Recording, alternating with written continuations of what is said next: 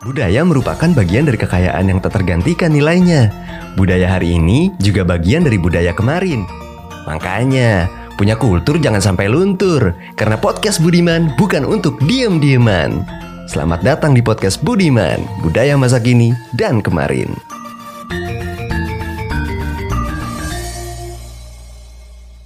Halo Sobat Budiman, selamat datang di podcast Budiman. Apa kabar nih Sobat Budiman? Semoga kalian dalam keadaan sehat terus ya Nih sebelum kita mulai podcast hari ini Kita kenalan dulu kali ya Iya nih, kita belum kenalan. Dimulai dari gua dulu ya.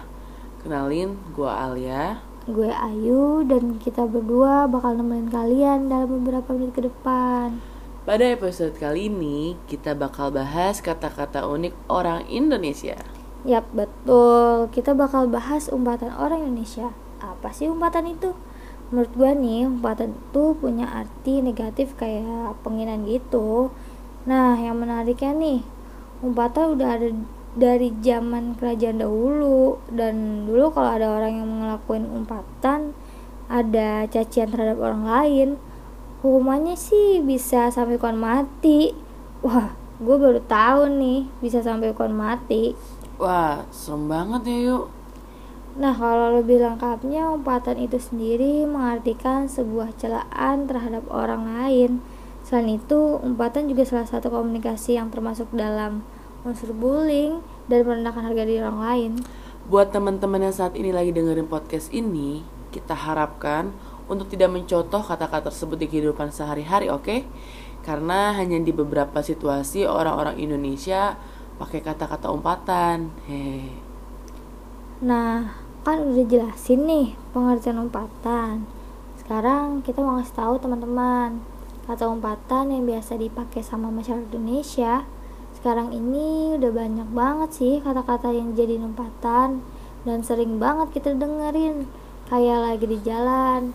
Orang lain ngatain orang tuh udah nggak ada remnya gitu loh mulutnya. Kan kesel ya? Heeh. Iya bener banget. Makin sini makin gak kekontrol sih ya kata umpatan ini. Kalau dari lo sendiri nih, kira-kira pernah dengar kata umpatan apa aja sih yuk?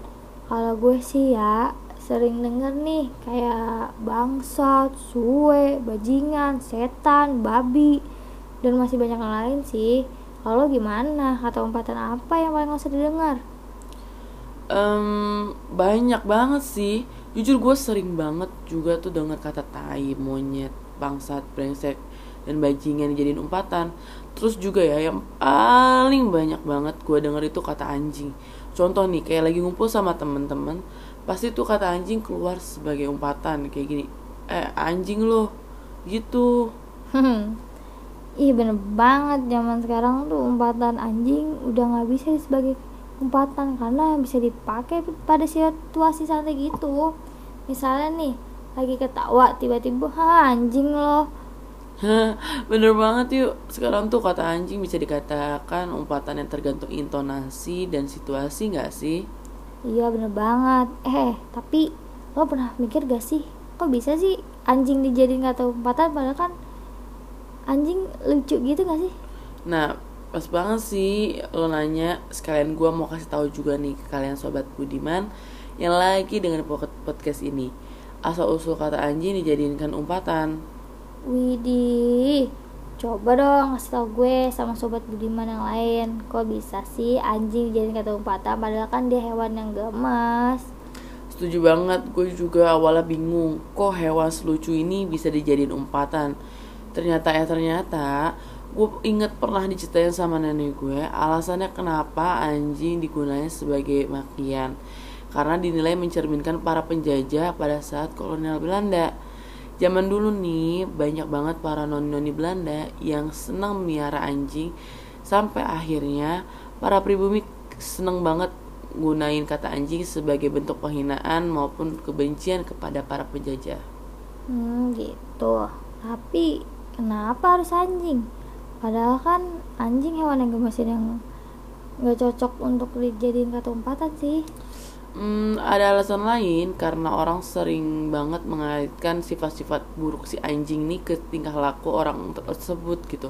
Karena kan anjing itu digambarkan sebuah emosi seseorang. Jadi orang kadang suka dikaitin aja satu sama lain Oh gitu ya Tapi jujur ya Gue baru tahu sekarang kalau asal usul kata anjing dijadiin umpatan gara-gara itu ya kan berterima kasih loh sama gue yuk Ye, pamri al By the way, tadi gue udah kasih tahu nih ke kalian sobat Budiman asal usul kata anjing. Kenapa bisa dijadikan umpatan? Nah, sekarang gue mau kasih tahu kapan aja sih biasanya kata anjing digunain sebagai bentuk umpatan. Gini gini, dari namanya aja udah umpatan kan ya. Berarti kata anjing ini biasanya dipakai pas orang lagi marah. Kayak misalkan dia nggak suka terhadap situa- suatu situasi yang menurutnya itu mengganggu. Dia pasti bakal bilang anjing loh. Di belakangnya tuh kayak penuh penekanan gitu loh. Tapi ada juga nih yang kayak tadi udah sempet dibilang di awal penggunaan kata anjing nih sekarang saking umumnya udah bisa dipakai pas lagi bercanda bercanda sama temen. Oh betul tuh Soalnya di lingkup pertemanan gue sendiri sih Umpatan itu termasuk hal yang wajar. Contoh nih Al.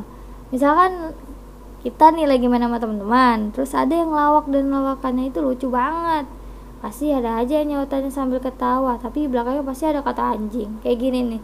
Ha anjing lo Al. Tuh coba bisa bayangin sekarang kata umpatan anjing udah seumum apa. Wah iya sih teman-teman gue juga banyak tuh yang sekarang begitu. Ya kan? Jadi gue nggak heran deh kalau misalkan setiap situasi pasti ada kata aja umpatan anjing yang keluar dari mulut. Hmm. Eh gue mau nanya, menurut lo untuk zaman sekarang nih ya, gunain kata umpatan anjing ini sebagai bentuk umpatan kepada orang lain karena nih zaman sekarang udah banyak banget kita dengar kata anjing sebagai umpatan kan gak hanya di kalangan dewasa remaja sampai anak kecil pun terkadang bisa ngumpat sama temen-temennya gitu pakai kata anjing Menurut gue sendiri sih nih untuk zaman sekarang agak susah ya bedain orang yang mengumpat karena emosi atau mengumpat karena canda semata. Karena ya tadi apa yang gue bilang umpatan anjing ini tuh udah kayak bahasa sehari-hari. Jadi di zaman sekarang ini tuh kata anjing udah dipakai sama semua kalangan atau semua umur. bener banget sih yuk kalau menurut lo nih kata anjing ini pantas nggak sih dijadiin bentuk umpatan menurut gue pribadi kata anjing ini tuh udah dari dulu. Jadi kata umpatan dan zaman sekarang udah jadi hal yang lumrah. Saking rumahnya nih Al. Anak kecilnya terkadang memakai kata anjing bayangin. Se ya Allah se anak kecil itu pakai kata anjing sebagai umpatan. Dan itu sangat disayangkan sih. Bener banget sih yuk Kalau gue sendiri Karena ruang lingkup pertemanan gue itu udah sering kat, menggunakan kata anjing ya Sebagai umpatan Tergantung dulu dalam konteks apa. Misalnya ya kalau lagi bercanda ya rapopo gitu kan. Gue nganggap itu sebagai bentuk umpatan sama teman aja Tapi beda halnya kalau di luar lingkup pertemanan ya. Contohnya kalau misal ada dosen yang ajak bercanda Gak mungkin kan dosennya lagi bilang apa tiba-tiba lu kayak jawab ha anjing.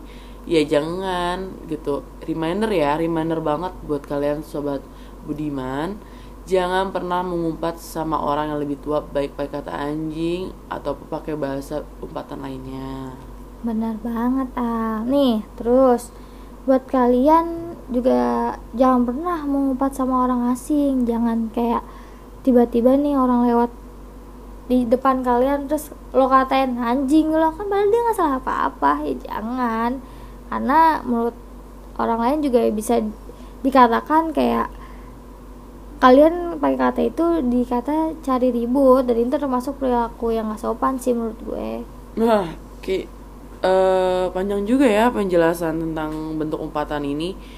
Hmm, dilihat-lihat kayaknya udah habis nih waktu kita untuk nemenin kalian hari ini. Terima kasih untuk teman-teman yang udah dengerin podcast kita sampai akhir. Nah, semoga setelah kalian dengerin episode kali ini, kalian bisa memfilter nih ucapan kalian. Pokoknya dijaga terus ya ucapan kalian. Dan pokoknya diingatkan lagi kata-kata bentuk umpatan ini nggak bisa ya dipakai segala situasi dan kondisi. Sampai jumpa di episode selanjutnya. Selamat beraktivitas dan have a nice day. Dadah. Dadah. Terima kasih untuk kamu yang sudah mendengarkan podcast ini ya. Jangan lupa untuk terus lestarikan budaya kita. Sampai jumpa di podcast selanjutnya.